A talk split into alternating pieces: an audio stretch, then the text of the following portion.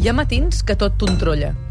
El món es fa miques i nosaltres només ho podem veure per una finestra.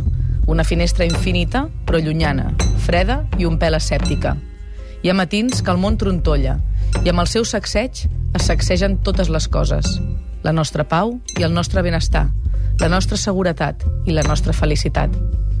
Quan el món trontolla és quan més fort ens agafem a les coses que ens fan feliços, a les més petites i alhora les més imprescindibles.